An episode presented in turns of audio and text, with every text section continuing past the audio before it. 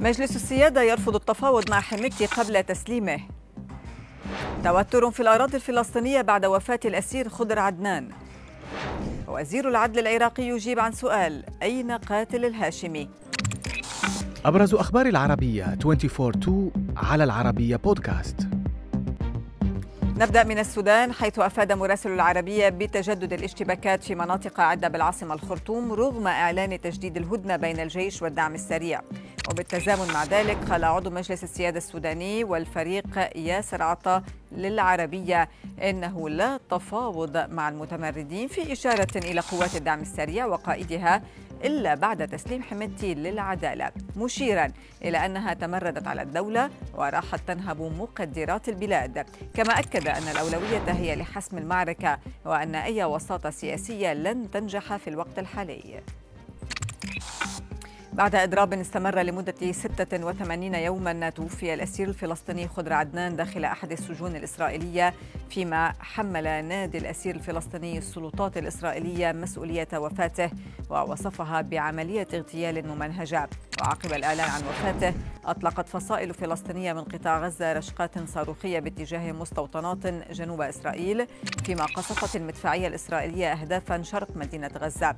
وأفادت معلومات بأن الجيش أصدر أوامر للمستوطنين في غلاف غزة بالبقاء قرب الملاجئ. إلى العراق هذه المرة وبعد تداول أنباء عن اختفاء قاتل الخبير السياسي العراقي هشام الهاشمي شدد وزير العدل خالد شواني على أن الفاعل موجود لدى الدوائر التحقيقية وليس في سجون وزارته.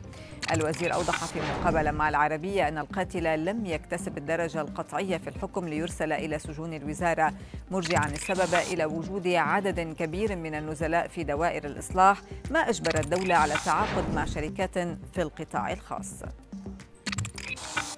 بعيدا عن عالم السياسة كشفت دراسة أجراها علماء أمريكيون عن ما يحدث داخل مخ الإنسان قبل لحظات من الموت مؤكدين وجود نشاط دماغي شبيه بالوعي لدى الذين يحتضرون.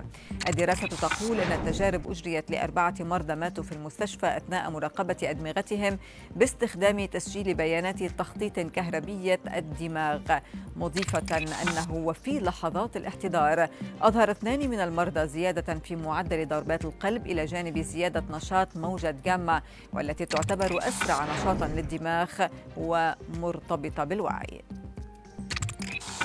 في خبرنا الأخير استقال الأب الروحي للذكاء الاصطناعي دكتور جيفري هينتون من شركة جوجل بسبب مخاوفه من مخاطر التكنولوجيا التي ساهم هو نفسه في تطويرها.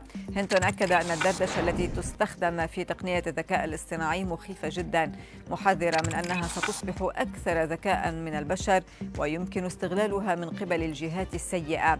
كما أعرب هنتون عن أسفه واعتذاره لمساهمته بوصول الذكاء الاصطناعي لهذه الدرجة من التطور المخيف. على حد وصفه.